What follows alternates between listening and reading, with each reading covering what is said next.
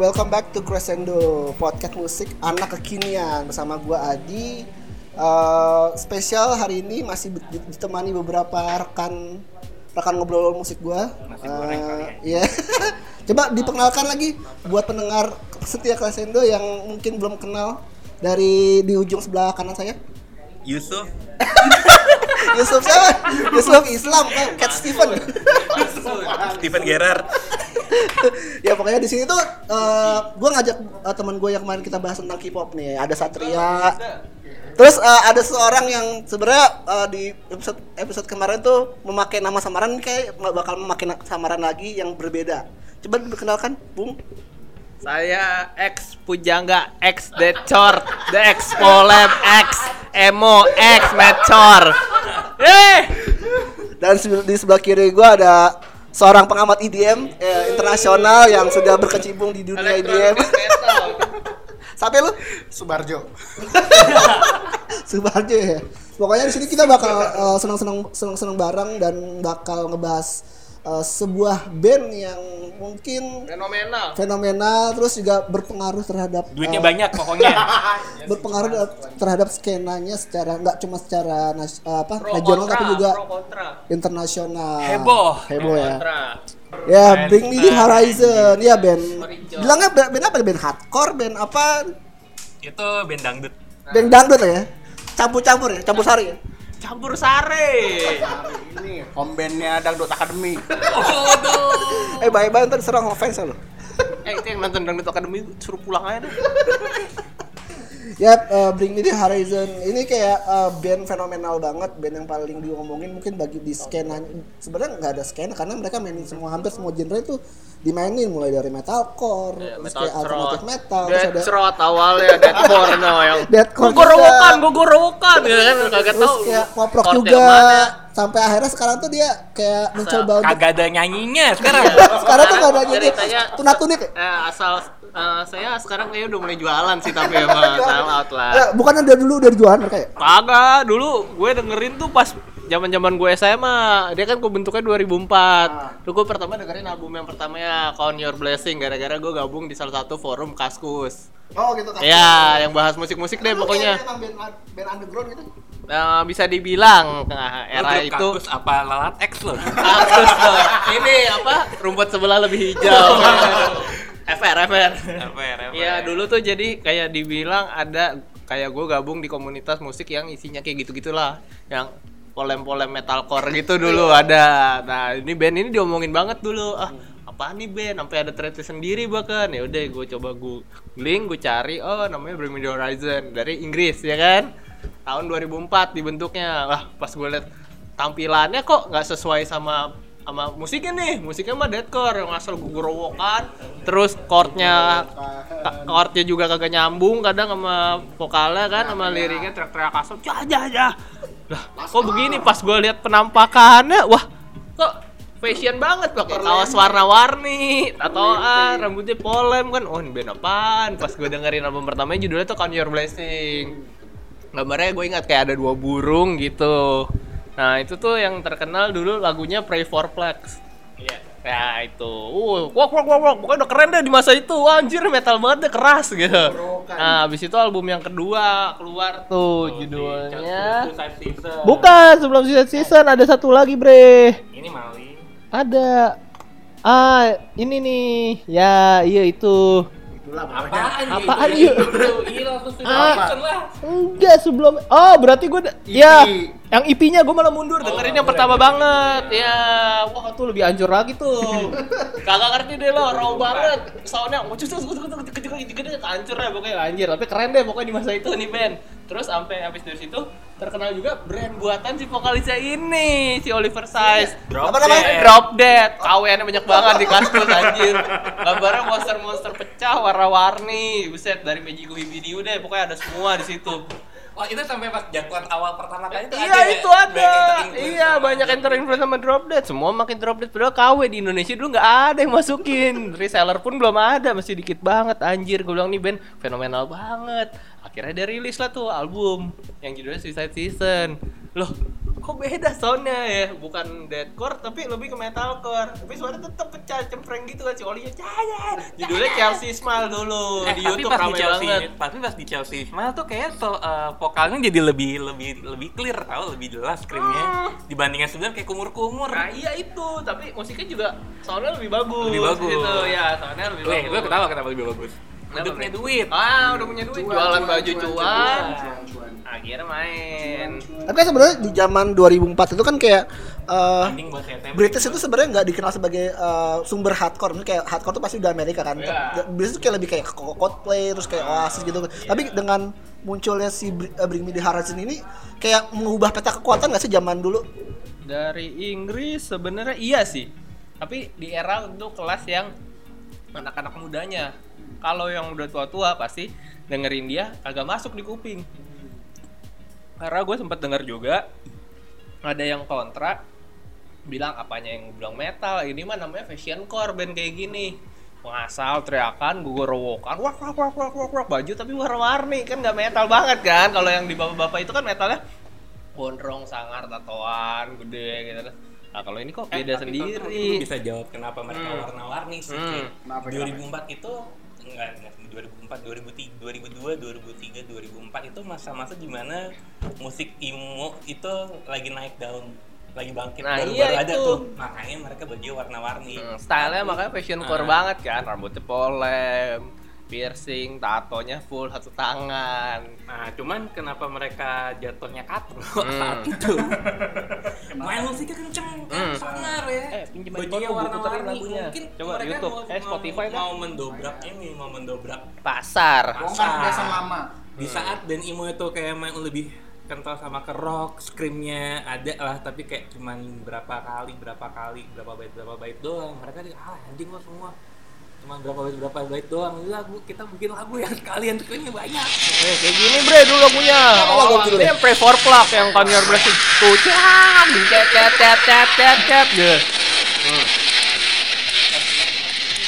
Enggak, enggak. Nih, tuh.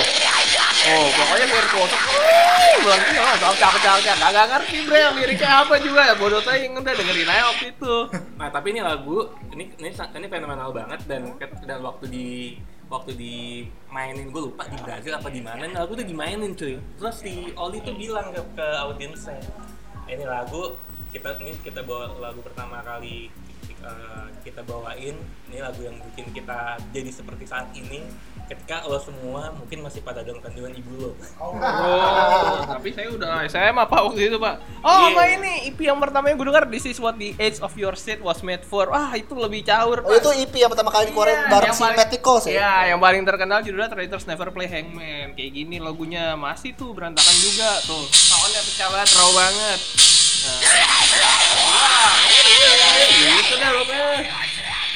Tapi sebenarnya kan kayak si Bring Me The Horizon ini kan sebenarnya eh, band yang benar-benar datang dari eh, skenanya mereka kayak musik ya musik underground, Underground banget lah musik kayak. Iya. Jadi kayak dulu tuh si Matt Nichols sama si Oliver Sykes, itu kayak yang benar-benar punya eh, interest sama eh, kepada mu- eh, eh, musik-musik kayak metalcore gitu kan di di kampung halaman mereka kan. Sheffield. Ya mungkin mereka tuh kayak mencoba mencoba semua eh, hal yang berbau metal mulai dari thrash metal juga dicobain terus aja me- melodic death metal tuh kayak bener-bener eh, yang mereka juga adaptasi ke dalam musik mereka. Tapi yang eh, menjadi pertanyaan di sini adalah eh, kenapa mereka bisa kayak eh, keluar akhirnya dikenal banyak orang? Maksudnya kayak yang apakah itu yang benar-benar diterima dengan diterima oleh si eh, apa komunitas underground mereka di awal-awal berdirinya mereka? kalau gue sih menurut gue ya kalau misalnya BMTH ini kenalan lebih kenalan ke skenanya mungkin lewat ke lewat sisa season ini lewat Chelsea Smile menurut gue kenapa soalnya tuh waktu mereka rilis Chelsea Smile si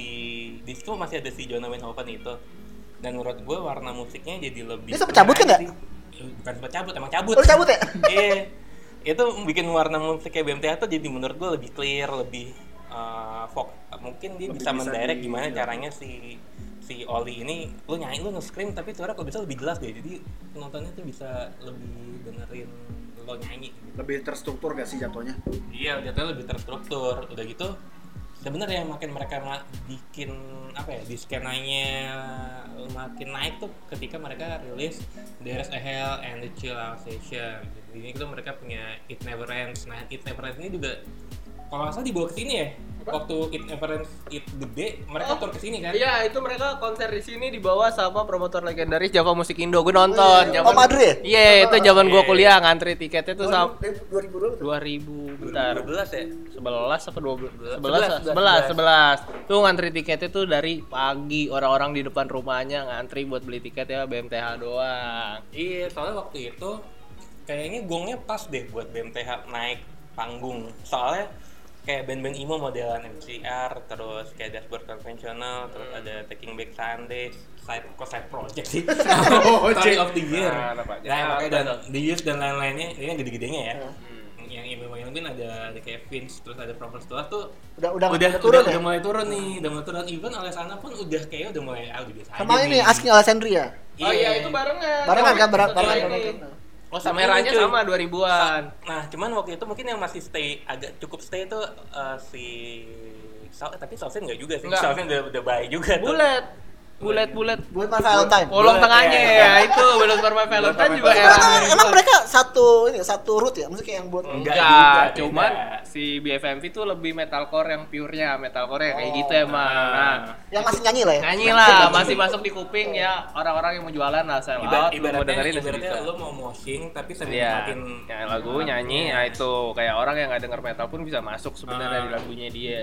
Saya rasa 2000 juga tuh, circa 2000 British. Nah, sama si Trivium juga era-era Trivium naik daun juga nih tahun-tahun begini nih.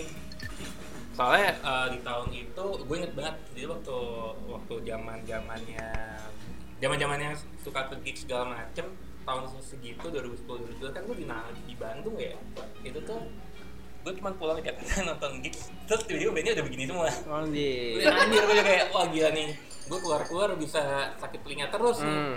Udah akhirnya uh, pas banget 2013 itu belum ya waktu itu 2013 itu tiba-tiba ah si BMTH rilis lagu baru album baru tapi kok lebih soft ya lebih udah mulai agak-agak kerap-kerokan lewat si Hmm, Eternal gitu. ini udah Wah, melunak ya. Itu udah mulai raya. kayaknya sih mereka udah nyadar wah Ya. duit kita cari duit, Duit kayak bisa lebih banyak ada di sini bre Iya. Era new metal ya sebenarnya itu Nah, di, di 2013 kan mereka yang merilis salah satu album tersuksesnya Eternal. Ah, ini kayak yang benar-benar mengubah citra mereka menjadi dari band yang underground menjadi band yang komersial gitu kan bisa dibilang kan. Eh, apa eh, kalau kalau terus itu dia lebih ke eksperimental. Kayaknya di sini sih mereka lebih eksperimental di Sam Eternal ini. Soalnya eh gue lupa nama keyboardis ya jadi waktu si si Jonah Jordan- cabut Jordan si Jordan si Jordan ini si Jordan Fish ini dia masuk terus mereka dia ngasih eh wa- maksudnya masuk sebagai ini ya sebagai member resmi ya Ya. itu tuh udah ini udah masukin alat ambient ambient elektronik elektronik gitu itu udah mulai pakai sampling sampling. Mulai Kalau di. Indonesia ya kayak ada band legenda yang katanya pemuja sampling. Siapa siapa? Ada itu yang ada angkanya belakangnya. Eh cluenya? Lagi rame itu bekas personilnya baru keluar dari penjara. Iya. itu sampling. Ya tebak aja bukan siapa lah itu. Pemuja sampling juga. Dia sampling tuh emang. Tapi emang Tapi emang pas sampai Eternal ini menurut gua tiba-tiba temen gua temen gua nih yang kayak tadinya ah anjing nih band BMTH band apaan sih berisik berisik berisik berisik Denger ya? dengerin Iya. jualan cuy Iya. gile Lebih diterima masyarakat. Benar. Bahkan di era itu dia ngobrak-abrik mejanya Coldplay di Oh satu iya di dua Beatward, Beatward ya kalau Ya. nggak. Gitu. Pas award. ini tahu pas pas nextnya Iya. oh menuju draw Menuju draw. Tapi Iya. kayak masih masih masih satu apa kayak at- satu atmosfer, maksudnya kayak masih satu eh, nuansa maksudnya di album yang Masih. Eternal Jadi ini. kalau menurut gue di Sam Eternal ini tuh kayak masih ada ambience ambience yang benar-benar keras banget kayak di Tapi- Can You Feel My Heart. Nah, tapi benar gak sih katanya ada yang bilang di situ emang si Oli tuh katanya emang punya rusak pita suaranya. Iya. suaranya sempat rusak, makanya di album Sam Eternal dia mulai coba nyanyi doang tuh, nggak ada sama sekali yang teriak-teriaknya. Jadi jadi nggak ada yang nggak ada yang ke Sebenarnya gini loh kayak eh, banyak kan bilang kan kalau misalnya ada eh, band atau vokalis yang ya eh, merubah genrenya gara-gara suara rusak tuh apa, apa cuman alasan apa emang benar-benar ya ini ada kepentingan bisnis atau benar-benar emang rusak bener gak sih? eh itu mah dipakai logika aja. Lu kalau suara lu, lu rusak terus lu masih nyanyi di situ, lu, lu mau suara lu hilang beneran. Logis lah, gila. Tapi formula itu juga sebenarnya udah pernah dipakai sama Linkin Park.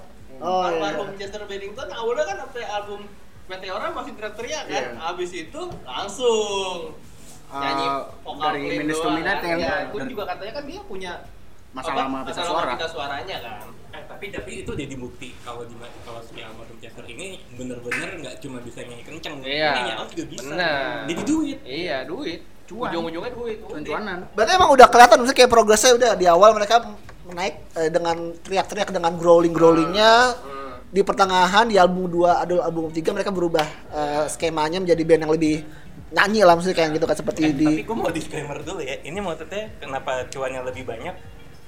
Bukan berarti band-band metal itu cuannya nggak banyak. Gitu band metal ini cuannya lebih, mungkin lebih baik dari band pop. Tapi bedanya kalau band pop itu dapat duitnya misalnya nih let's say si, si musisi A nyanyi di mana dibayar 150 juta satu titik doang sebulan.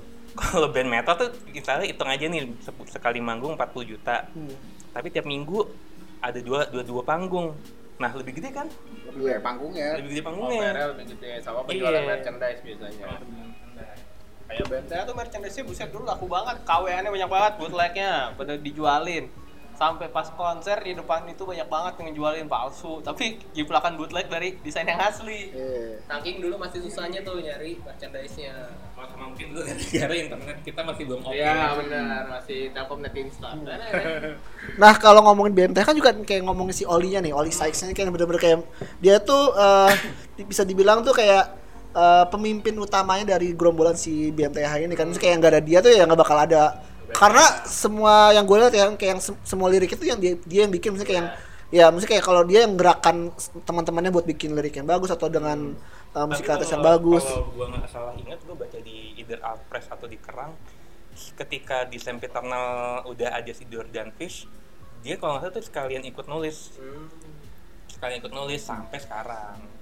Nah makanya lo uh, sebenarnya cuma ikut nulis, jadi kayak, kayaknya sih ya si Jordan Fish ini tuh emang udah jago banget musiknya sebagai produser musik. Makanya kalau lo dengerin dari lompatannya dari Sempiternal terus Drown, habis itu langsung Das the Spirit tuh langsung kelihatan banget nih. Ini orang nih tadi main musiknya cuma di situ-situ doang cuy. Iya. Ini anak satu masuk bisa bisa main musik apa apa pun itu. Tapi kan sebenarnya kalau si Alex Sykes itu kan kayak eh, dia dia genius, dia genius lah. Dia bisa mengubah eh, BMTH dari dulu band band band underground menjadi band komersial kan.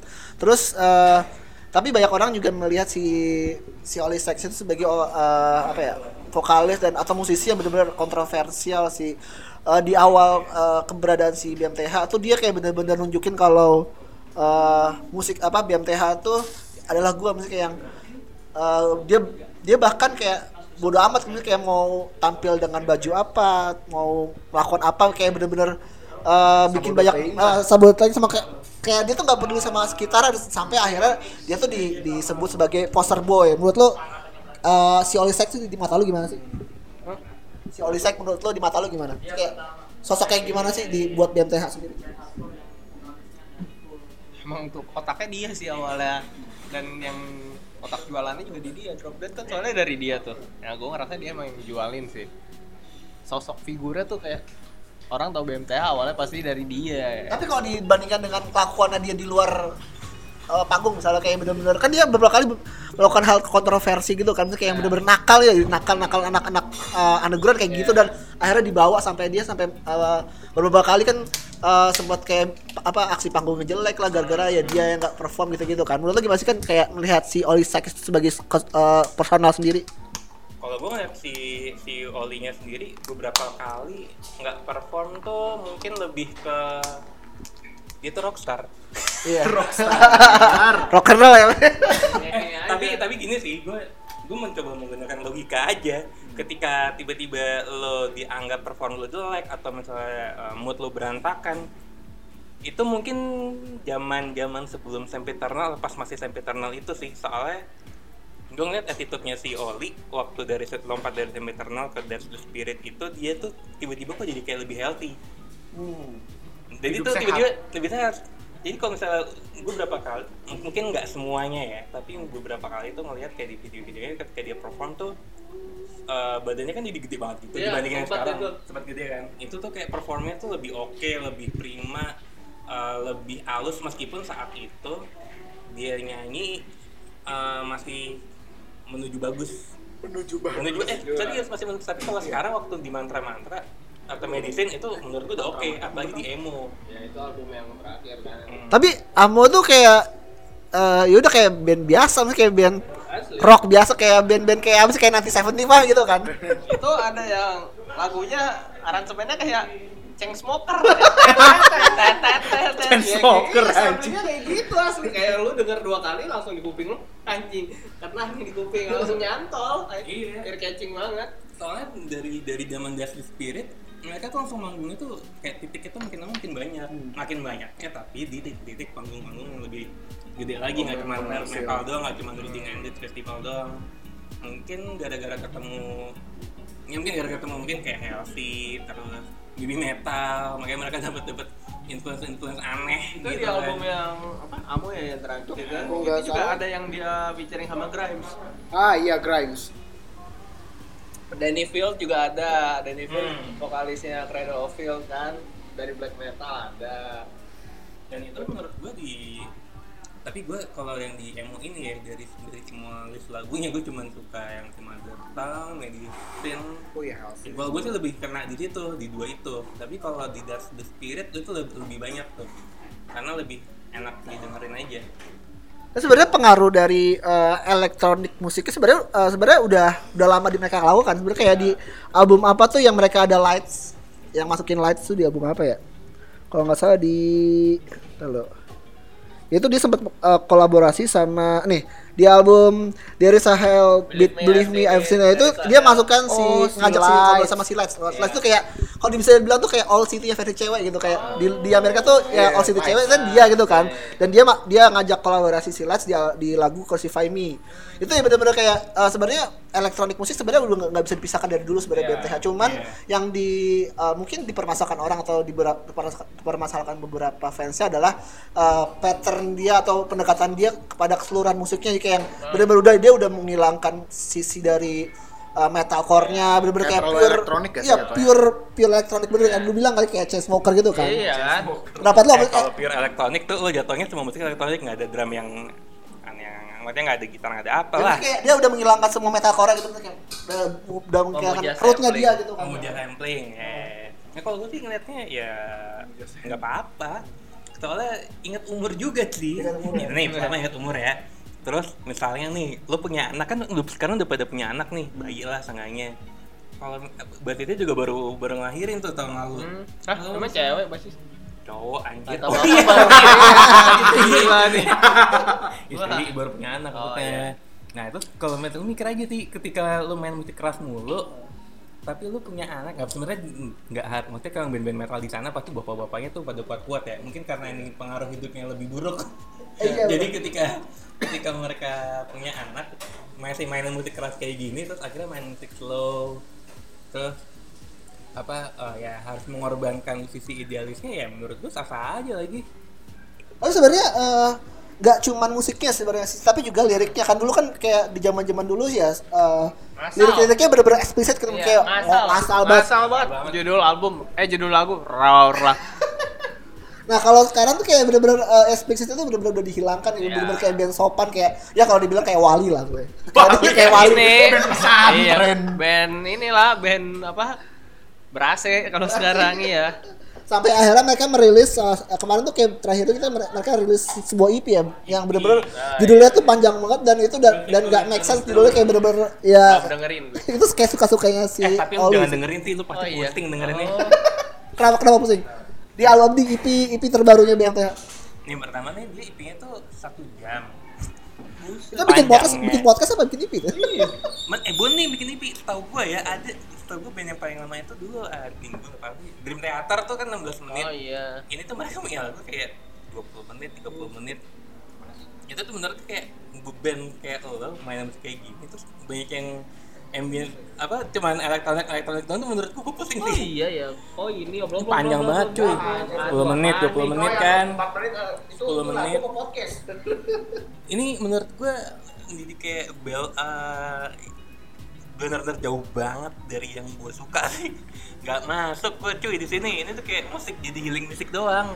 Tapi emang sebenarnya si si Oli juga dia eh, di awal juga bilang kalau eh, bikin musik bersama BMTH itu adalah salah satu cara dia buat menghilnya menghil eh, dirinya sendiri misalnya dia ba- dia kan emang benar tipikal orang yang benar-benar eh, banyak masalah terus kayak yang benar-benar ya mungkin eh, jiwa juga terganggu kan terus kayak dengan hidupnya dia kan dengan ca- em, buat musik bersama BMTH itu kayak sebuah therapeutic season buat buat dia gitu kan. Tapi dengan dibi- bisa dibilang kemunduran atau justru kemajuan gak sih kayak musik-musik BMTH sekarang? Yang di album-album kayak di Amos terus kayak yang di sekarang tuh yang EP apa judulnya? Music to Listen Aduh, to Dance bla bla bla bla ya. itu sebenarnya ini jatuhnya kemunduran atau justru ini peningkatan dari apa yang lu dulu dengar di gue nggak Suicide? tahu ini? ini mereka lagi mau ngapain ya nggak jelas lah karena gua, karena gue punya ekspektasi dari Sam Eternal terus bikinnya lebih bagus lagi. Jadilah tuh There's the Spirit di mana nih album menurut gue salah satu yang kayak terbaik pertama eh terbaik kedua setelah Sam Eternal sih.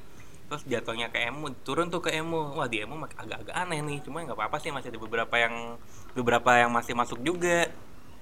Terus tiba-tiba keluar nih EP itu gue bilang anjing nih apaan sih? Even lagunya Healthy doang tuh kayak Oli suara lu tuh kok hilang-hilang senyap-senyap gitu kayak lauf ya kayak lauf. Yo, iya aneh banget. Kalau kalau lu gimana? Oke lah harusnya soalnya kan kemarin juga dia udah ngisi soundtrack buat salah satu game buatannya Hideo Kojima kan yang Death apa Stranding. juga? Ludens. Loden eh kalau Ludens tuh masih enak tuh. Iya, tapi kan lu akhirnya bisa diketahuin orang lebih banyak karena lu bisa ngisi soundtracknya kan sebelumnya Iya. mah apaan? Cuma dipakai di burnout kalau nggak salah lagunya tuh mungkin karena ini juga eh, salah satu apa ya bukti ya bukan bukti kayak yang salah satu eh, bukti kalau setiap band yang masuk ke major label itu berubah drastis. Jadi kan kayak dulu tuh si si BMTH tuh dari album pertama sampai album terakhir itu di sampai internal itu dia masih masih sama si Epitaph kan. Iya. sekarang di dari mulai dari The Spirit sampai sekarang tuh dia masuk ke Sony kayak bener-bener ya lo tau lah kayak ber- Iya. beberapa banyak banget band-band yang masuk ke major label itu kan udah pasti berubah Eh, ya sesuai dengan apa yang dimau sama si labelnya Label, kan. dan ini juga akhirnya mem- memecah eh, memecah fansnya sendiri. Itu yang ada yang pro ada yang ada yang kontra kan. Kalau lo sendiri lo masuk yang pro apa yang kontra? Asal enak didengar di kuping mah pro-pro aja. Pro, kalau pro kontranya sebenarnya dari dulu, dari pertama kali mereka muncul tuh pro, kon- pro kontra udah ada, kontranya udah ada dari yang benar-benar eh, garis keras metal lah, beda hard fans ya metal yang kayak dengerinnya metal metal old school yang benar-benar itu dengerin death metal yang asli, yang pure death metal entah itu Swedish entah itu apa yang lihat ini mah apaan nih mah? Kayak anak-anak kecil cuma teriak doang gitu kan. Itu udah ada dari awal sampai sekarang ya wajar kalau masih ada kontra juga pasti. Kalau? Ya kontra pasti ada terus sih terutama yang buat yang di EP ini karena ini kalau misalnya gue nggak tahu ya kalau anak-anak yang kupingnya lebih kekinian mungkin akan masuk-masuk aja. Masuk di album Amo masuk banget. Orang kayak cek smoker. Lu dengerin aja Mother Tongue lu. tapi Mother Tongue tuh enak nyet. Cuman kalau pas lo EP yang ini tuh kayak anjing apaan nih? Gue gak kuat. Gue denger dengerinnya gak kuat gue gile. Eh dari dari berapa album ya? Satu dua tiga empat lima enam. Dari enam album yang pernah dirilis sama BMTH yang menurut lo masterpiece itu di mana? Eh sya- album apa? Nah, itu Conjure Blessing kalau gue. di album pertama ya? Iya. kalau? Gue sampai eternal masih sampai terkenal sampai eternal kayak kayak gue kan gue gak tau ya kalau sampai eternal tuh dikemasnya tuh bener-bener tapi itu rapi emang banget sebenarnya album ini albumnya kayak album jembatan gak sih jembatan dia sebelum akhirnya berubah total Iya. Enggak, itu udah berubah sih sebenarnya. sebenarnya udah mulai berubah tapi kalau dibilang jembatan justru di dari Sahel itu jadi jembatannya menurut Iya. gua Tapi jomplang sih sebenarnya kayak transisinya nggak halus, kayak kasar langsung diginem brek langsung cer gila. iya tapi kalau misalnya mau tahu di mana mereka dapat duitnya lebih, lebih banyak that's the spirit. Iya benar benar sebenarnya itu kayak secara apa ya, secara komersial tuh dia sukses banget kan. Kalau nggak salah tuh dia di di ya dia sempat kayak beberapa kali masuk jadi top chart itu di Billboard sama di UK Albums gitu kan. Oh iya dia debut di Australia dan Kanada itu number one gitu kan di Iya, pas debut 2000 berapa sih 2015 kan. Eh sebenarnya emang emang The, The Spirit tuh eh, album yang benar-benar komersil dan mood gue ya sebagai gue tuh sebenarnya nggak terlalu dengerin musik mereka yang zaman iya. dulu. Cuman kayak album ini benar-benar masuk di telinga. Gue lebih lebih suka dengerin album ini ketimbang si Amos atau yang terakhir tuh kayak karena album ini mewakili semua kuping masyarakat Iya, di Indonesia itu gitu gua, kan. itu di gua, dunia lah. gue setuju banget tuh soalnya di sini bener-bener mungkin ya gue ngelihatnya The Spirit adalah puncak kesuksesan si BMTH makanya pas Secara komersil ya bukan secara musikal ya. komersil, secara komersil tapi kalau buat musik mereka di sini lebih ngeksplor jauh ketimbang Sam Eternal Tapi kalau misalnya yang emo tuh kayak udah kejauhan kayak suara. jauhan. Macam-macam, macam semua dicampur-campur gitu. Kayak nano-nano.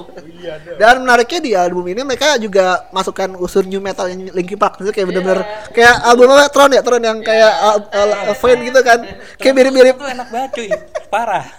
En- enak banget. Tapi sebenarnya kalau misalnya banyak orang menjagokan Tron, Drown atau misalnya Follow You, gue malah lebih menjagokan si Ohno. Soalnya di Ohno tuh kayak ada apa sih trom bukan trompet, saksofon, saksofon gitu. oh iya Jadi menurut gue Ohno tuh menurut, menurut gue kayak underdognya gitu loh dari dari dari 11 lagunya That's the Spirit. terus kayak di album ini juga ada eh, apa sih tuh eh, mas memasukkan banyak banget coy-coyer Iya, itu, Itu di yang- waktu mereka konser tuh. nah, choir-choir gitu kan. Choir. Nah, di, di album That's the Spirit ini menurut gue ya eh, role-nya si BMTH tuh sebagai sebagai role model bukan role model ya kayak idolnya anak-anak muda pada tahun 2015-14 itu bagus banget. Secara image bagus banget. Karena waktu konser itu mereka eh, bikin charity. Jadi image-nya kebangun dong. Iya. udah gitu fisiknya mereka tuh terlihat sehat-sehat banget. Tapi, tapi pas mereka udah bergerak ke arah emo kok si Oli kurus lagi ya? Ini salah salah makan obat apa gimana nih? Gue nggak tahu soalnya am- am- waktu di emo tuh udah kayak bener-bener musiknya menurut gue masih oke kan karena meskipun banyak teman-teman gue yang dengerin mantra mantra kan single pertama dari emo kan Iya. itu pada kontra jing apaan ya apaan tapi enak kok mantra menurut lu Iya tapi enak kok gue bilang. Nggak ya maksudnya kayak Ya, eh, terserah lu sih kalau suka ya nggak apa-apa. bisa disandingkan sama si Tron atau yang lain maksudnya kayak si Iya. lagu mantra itu kan Sampai waktu itu kan kalau nggak salah yang bikin visual itu kan dari Indonesia. Iya. Yang mereka tour emo itu. Tapi sama ini sih apa? Kalau misalnya di emo, kalau tadi lu bilang mana yang bisa disandingin sama Tron, menurut gue Budi itu bukan si bukan si mantra. Mantra. Kalau menurut gue pribadi lebih ke Mother Tongue itu. Kalau misalnya mau enak-enakan ya, Ah.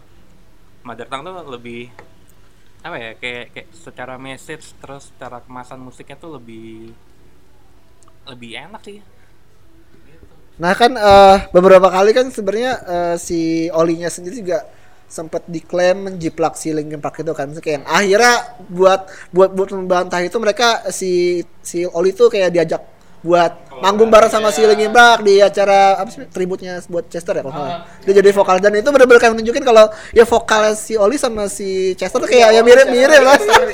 Mirip-mirip kan. Cuman eh, ada yang bilang kalau si Oli itu nggak punya ja, maksudnya kayak secara jati diri tuh nggak- kayak nggak ada gitu. Banyak orang ngeklaim kayak Oli itu kayak ya bener-bener kayak poster gitu kan bocah-bocah poster. kan. Eh poster poster maksudnya kan. Kalau menurut lu sendiri melihat Oli sebagai poster boy itu gimana? Kalau poster boy gue nggak tahu sih kalau sama si Jeng gimana menyikapi dia poster boy apa enggak. Soalnya waktu 2000 karena karena dari dari dari SMP eh sorry dari It Never Ends terus ke SMP Eternal terus ke That's the Spirit tuh menurut gue itu ya itu si Oli tuh kayak gitu bukan bukan seorang poster tapi justru kayak aneh banget ketika udah masuk emo udah itu kelar sih udah kelar lah ya tapi menurut lu kira-kira di masa akan datang mereka bakal balik ke roadnya lain nggak sih apa udah mereka bakal menyelesaikan atau pensiun dengan jalur yang baru ini sebenarnya Itu kejutan ya. Ada ya Itu kejutan ya. Pasti ada lagi. Soalnya udah kayak banyak banget kejutan dong kalau misalnya kayak gitu. Kan nggak tahu. Kan kita ke nggak depannya nggak tahu. Ke depannya bakal kayak gimana. Eh, kalau tapi kan emang mainstreamnya gitu sih. Iya. kita aja nggak pernah tahu kalau ternyata Killing Inside yang beneran tuh bisa reuni Oh. ini iklan pak. Iklan apa gimana pak? Iklan, lah bukan iklan bukan bukan iklan. Itu fakta. Nah, eh, sekarang ngomongin influencer sih. Sebenarnya eh, mereka juga eh, punya influence tapi juga menginfluence banyak banget band-band di Indonesia ini kan. Banyak banget kalau misalnya lu nonton lu datang ke acara festival kayak Jack Cloud kayak atau kayak apa band apa musik-musik apa festival musik hardcore itu bener-bener banyak banget. Kayak bener-bener band-band masa kini yang Iya, men- bahkan menjiplak maksudnya menjiplak eh, dengan ciri khas yang sama. Menurut lu gimana sih kayak influencer Bring Me The Horizon di Indonesia kenceng ini? banget dulu kenceng banget tahun era-era 2000-an awal itu circa 2000-an kencang banget di Indonesia sampai ada dulu julukannya namanya anak haram BMTH. Band-band yang kayak begitu semua isinya. Baju warna-warni, rambut polen, tatoan, teriak-teriak caco caco caco. Gitar ngasal aja yang penting pakai efeknya kan heavy metal. Cek cek cek cek Yang penting bisa metal scream. zone, yang penting metal zone, gacet gacet gacet. Ini main HP anjir terus Yang penting ada scream screamnya. Iya, sama semua. Iya, sama. Sama sama sama crackcore. Iya, sama krep itu era-era itu banyak. Screamo no party. Yang penting ngangkang aja dulu, jegit jegit jegit jegit. Itu crapcore kan gara-gara attack-attack nggak sih? Iya, era-era dia juga. Sama apa? Abandon all ships, tapi gue dengerin juga ujungnya. Iya, gitu era-era itu. Dulu banyak, tapi sekarang udah mulai nggak terlalu banyak sih. Ya karena mungkin gurunya udah berubah. Iya, berubah haluan. haluan. Sekarang Tapi mungkin kalau sekarang band-band yang dulu mengikuti BMTH terus sekarang udah ada gitu misalnya nih. Oh. Iya. Sekarang tuh justru band-band yang dulu terinfluence mereka balik lagi sih. Misalnya kayak tiba-tiba siapa ya? Eh Seems Like Yesterday deh. Itu kan Jauh, Pak. masih ada masih ada. Maksudnya kalau misalnya ngomongin ini, ngomongin mereka dulu terin gayanya kurang lebih sama, main musiknya kurang lebih sama dikit gitu. Kalau gua nangkepnya sih lagi startnya dari awal malah nggak ada hubungannya sama BMTH. Dia Eh, iya, emang maksudnya yang lebih emo- ke- ke emo- eranya emo doang. revival, emang emo Emo-nya. yang kayak gitu yang nyanyi. Bener. Kayak Taking Back Sunday gitu. Iya kayak Taking Back Di awal-awal. Lebih ke gayanya, lebih ke momen sosok-sosoknya gitu loh. Terus kayak misalnya eh, orang-orang dulu ngelihat wah si Sweet As Revenge nih mirip nih gaya gayanya dulu mirip banget Oh nih iya, sama si iya. sama BMTH. Hmm. Terus hilang hilang hilang terus wah ini As kapan ada lagi ya? Tiba-tiba keluar lagi. Ya mereka jadi jadi diri sendiri Oh iya jatuhnya. sekarang ya. Iya, maksudnya lebih jadi yang dulu terinfluence sekarang jadi lebih ya menjadi diri sendiri aja. Menemukan identitasnya. Atau si ini Down for Life. Manj. Iya, itu itu Lamb of God Nah, eh, tapi kan eh, kalau ngomongin soal dia dia, dia eh, jadi band salah satu band bilangnya band rock lah, band rock eh, ter- terbaik, bukan terbaik kayak terbesar di Inggris dari Inggris setelah selain Coldplay, selain Oasis kan. Tapi kalau misalnya dibanding kayak menurut eh, menurut lo mereka udah pantas belum sih disebut sebagai eh, the best band ever dari hardcore? Kayak misalnya kayak punk da- eh, kayak Blink dari punk atau apa Coldplay dari Britpop. Mereka udah bisa nggak sih kayak disandingkan sebagai yang terbaik gitu dari di di genre at least di genrenya dia di dunia ini Enggak lah. Enggak ya? Enggak meskipun gue suka, tapi menurut gue masih bukan enggak sih belum. menurut lo eh, yang Kecuali kecuali nih ya, kecuali itu mereka main musiknya tuh konsisten di genre yang kurang lebih nggak jauh-jauh dari core dari intinya itu. Misalnya kalau misalnya mereka ngejaga moodnya si Sempiternal, sebenarnya di di Death Spirit kan masih kejaga tuh. Terus berubah ke emo kalau terus kalau misalnya abis itu balik lagi ke Death Spirit atau Sempiternal menurut gue masih bisa sih. masih bisa ya Nah, kalau alternatif rock masuk lah. Tapi jangan jangan jangan banyak Iya, alternatif rock oke. Garis keras X H C X ah mati ngapain kagak masih banyak band hardcore yang beneran hardcore dia enggak Tapi, Karena, eh. karena menurut gue band terbaik itu adalah band yang konsisten, bukan cuma konsisten mainin musik yang lama ya, mem- mem- mem- memadupadankan elemen-elemen musik di- yang berbeda dari genrenya mereka sebenarnya, terus dimasukin ke uh, musik idealisnya mereka. Iya. gitu. kayak masih di rootnya lah kayak jauh-jauh Masih dari rootnya root, Maksudnya bisa, oh bisa nih ya, dari yang ada jazz dimasukin ke musik uh, hardcore atau, atau rock menurut gue tuh oke sih, tinggal gimana masnya aja. Gitu. Iya. Ibaratnya kayak dulu eh, ini kalau maaf ya kalau sotoy kalau misalnya kayak Beatles gitu kan justru mereka lebih banyak di appreciate di satu dua album pertama ketika udah masuk kayak Revolver gitu menurut gue udah enggak sih. Gitu. Dan mereka tuh udah disebut terbaiknya tuh karena di menurut gue sih lebih ke dua album pertama itu. Karena orang-orang lebih mengingat itu dan style orang-orang waktu The Beatles Day atau The Beatles World Day yang di Inggris di Liverpool itu tuh seingat gue kalau nonton dokumenternya itu orang-orangnya lebih banyak cosplay Cosplay Jadi, loh. lebih banyak cosplay dengan eh, baju-baju atau gaya-gaya personal The Beatles di dua album pertama dua tiga album pertama lah. Itu Eh, ya setuju sih. Sebenarnya kayak yang apalagi fans fans sekarang tuh benar-benar eh, kalau dulu emang banyak fansnya banyak cowok ya zaman zaman dulu. Sekarang tuh kayak banyak cewek udah Iya, udah iya. mulai merajai fans fansnya BMT dan menurut gua tuh kayak fans BMT sekarang tuh udah kayak fansnya BTS gitu kayak itu army- freak army banget bener-bener army yang bener-bener kayak nge- Militan ngejagain apa image dari si, terutama si Oli-nya. Maksudnya kayak yang ya kenapa si Drop Dead itu laku? Karena banyak banget Iya, fans-fansnya cewek yang make dan se apa ya se sesuai dengan Iya. eh, mereka gitu kan. Mereka tuh tahu cara jualan cuy. Iya, Makanya udah. duit-duitnya tuh gede. Marketingnya bagus. Kayak ini yang terakhir nih kayak eh dengan adanya perubahan musik yang terus terjadi terutama di BMTH eh apakah skena hardcore atau metalcore itu masih laku sekarang di nggak cuma di Inggris tapi juga di Indonesia pun Kalau hardcore mah pasti ada pasarnya sendiri. Kayak teror, band-band kayak gitu. Pasti ada pasti kan. Tapi kalau BMTH ya udah gua ngeklasifikasinya dia itu ya udah alternatif rock or alternatif metal buat gue ya. Gue dengerin di situ aja berarti. Ya kalaupun gue masih penasaran pengen lihat live nya buat gue ya buat entertain aja. Gue baca nyanyi doang nggak sampai gue militan banget nggak nggak gitu. Tapi kalau misalnya lebih kalau misalnya nyari perkembangannya nanti kayak gimana si musik-musik kayak gini ya justru kiblatnya bukan kayak BMTH lagi sih. Pasti ada band-band di luar sana yang lebih oke. Apa sih sekarang band yang hardcore yang oke? Wah gue karena sejak kerja di esensi kayak nggak pernah dengerin gitu-gitu lagi sih. Tapi tapi ya tapi ya gue jadi kembali mendengarkan kayak Sausin dengerin Sleeping with Sirens album yang baru. Terus nah kayak itu juga salah satu band yang berubah tuh kan? Sleeping with Siren eh Sleeping with Sirens sekarang jadi emo lagi cuy. Oh jadi mau lagi dia?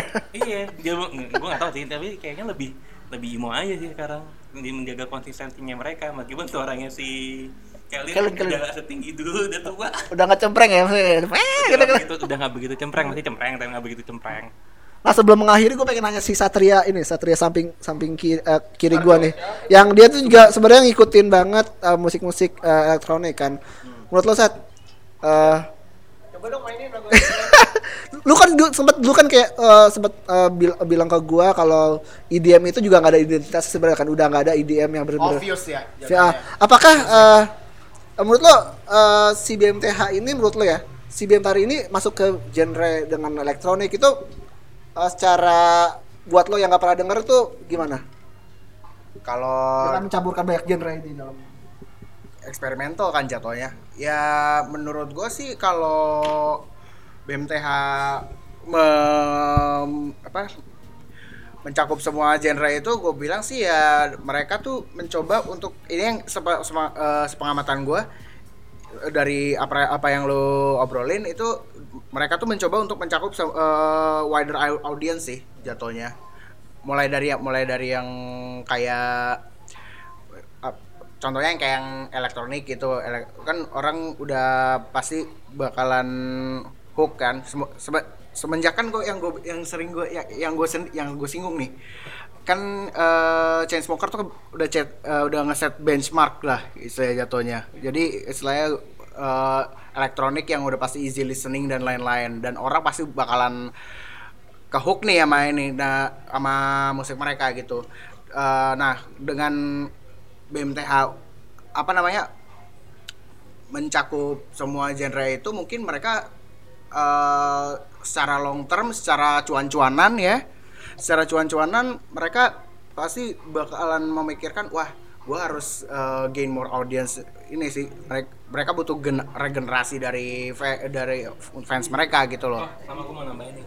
Dulu tuh ada di tahun yang sama di era BMTH naik daun itu kan ada nama bandnya tuh Kes Kes. Oh iya, Kes Kes. Oh, Kes Kes, iya, Ada Brad Brad Brad Carolina. Brad- Brad Brad Carolina, Carolina. itu juga berubah Itu genre. elektronik tuh. Itu itu ya sebenarnya dari awal mereka keluar dengan genre ya apa sih pasar elektronik itulah pokoknya. Terus Tunanit tunanit, apa? tunanit tunanit. Iya tunai tunai lah pokoknya insider insider gitu tapi enak terus lama-lama eh gue tahu si si Davidnya ini tuh dia pengen lebih elektronik. Makanya vokalis yang pertama si Kyle ini cabut. Perbedaan di diferensi musik preferensi musik lah. visi misi. Iya visi misi. Itu akhirnya mereka jadi DJ DJan sampai sekarang. Ya itu nggak bisa dipungkiri sih kayak yang ya udah kayak BMTH, Black Corona itu emang udah waktunya kemudian udah prosesnya begitu kali maksudnya kayak kayak gitu. Tapi mungkin yang dikhawatirkan orang sih mungkin termasuk gue salah satunya bisa aja nih nanti BMTH salah, salah satu personelnya mungkin akan cabut atau misalnya ya akhirnya si BMTH sendiri terhenti karena musiknya udah makin aneh dan terus mereka udahlah sekarang kita idealis aja lah anjir kayak dulu idealis tapi di musik kekinian aja gitu bikin aja ngaco kayak gimana gitu kalau dulu kan kalau kata Rama tadi suaranya yang vokalnya lah ya bodoh amat lah mereka kayak gimana mereka Asal kayak aja. "Ah, asal aja lah anjing ini Yang penting kita bikin musik keren, yang asal aja lah keren. Keren udah gitu doang. Iya iya lalu ini kalau nggak musiknya aja nih bikin aneh lah ini Self vokal gue dikit-dikit lah gitu Tapi kalau misalnya ntar udah, udah kalau misalnya udah mereka mereka pengen bubar nih dan Oli paling bak- bakal menjadi kayak solois. Kira-kira bakal susah nggak sih Oli, Oli kayak sebagai solois? Kayak band gibat misalnya gitu-gitu. Aduh, kayaknya jangan deh. Enggak, karena karena nggak cocok jadi solois. Iya. Dia vokalis lah ya. Vokalis aja udah, kecuali lu Gerard Way, masih Oh, agak cocok iya, dikit iya. lah. Nah, paling habis itu reuni bikin dapat duit lagi. Tahu ceritanya. Cuannya Jadi, banyak. MCR kalau kenapa MCR reuni? Karena mau nyari duit lah. Iya, ada duit mau ngapain lagi emang? Iya, nggak mungkin duitnya cuma didapetin sama si Gerard sama si adiknya doang sama Kiwe. Kalau Gerard kan dapat duit dari Netflix tuh. Hmm. Gara-gara apa?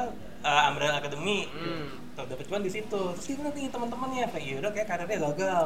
Retoro kayak B aja. anjing B apa nih lu dong. Yaudah lu ini aja kita ngeband bareng aja eh, atas nama Gerard. Eh tahu-tahu reuni gitu kan. atas nama silaturahmi Iya, atas nama silaturahim cuy. Kalau silaturahmi itu betul betul. nah, tadi ketika MTR reuni, jelas kan alasannya apa? Duit. Duit, cuan, cuan, cuan. Tapi sebenarnya kan si Oli udah punya punya modal kan dengan drop beat itu. Tapi apakah drop beat itu udah jadi brand sebesar kayak misalnya Tom Dilong apa namanya? Anjir, Tom Dila yang mana dulu nih? Enggak, eh, ini sepatunya dia. Oh, Macbeth. Dia, dia sebesar itu gak sih kayak drop itu sebesar kayak Macbeth-nya Tom Dilong kan? Kalau gue nggak se sebergema itu sih, Droplet paling kayak cuma udah nakal nggak bunyi. doang. Sekarang udah- bunyi sekarang nggak? Enggak. KW-KW udah masih banyak gak KW-KW-nya? Udah nggak ada. Eh udah nggak ada deh. Eh, mohon maaf. Olinya aja udah nggak make. Olinya aja sekarang udah jadi anak hype bis serius mah. Lo lihat tiap manggung. Makanya Carhartt, makanya apa? Gue bilang ngeliat yang di Summer Sonic, buset. Sepatunya sebelah beda, sebelah beda, Converse-nya udah udah nggak ada yang pakai gitu. Si keyboardisnya siapa? Jordan Fish. Keyboardisnya Keyboardnya Jordan Fish. si Jordan Fish. Jordan Fish pakai rompi Carhartt. Karena Carhartt nggak ada yang pakai dead lagi sekarang. Iya itu nggak coba deh. Dan saya sekarang kayaknya udah waktunya yang nggak tahu ya mungkin si mereka udah agak-agak jenuh mungkin mau coba yang lain dulu sebelum Iya. balik lagi ke apa ya aslinya mereka kayak yang gue lihat aslinya mereka sebenarnya adanya di Champion Eternal sama Dust the Spirit gitu. Pokoknya yang terbaik deh buat si Bring Me The Horizon. Eh, ya udah, ini kayak banyak banget pro kontranya. Selalu mau suka atau enggak di rilisan terbaru. Yang penting eh, sebagai fans atau sebagai BMTH lovers kalau kata seseorang di depan gua itu lu support eh, artisnya lu dengerin di BMTH Spotify, lu beli albumnya kalau ada iya, rilisan mania, fisik. mantap. Mania, mantap. Pokoknya sekian dulu dari eh, episode Crescendo eh, eh, spesial BMTH ini sampai ketemu di apa nih? tema berikutnya mungkin ntar kita kita bah- bakal bahas sebuah band lokal yang sangat eh, gi- apa legendaris pokoknya asal Jogja Ah nggak ngerti. Solo kali. Solo Eh, sampai ketemu di episode yang akan datang see you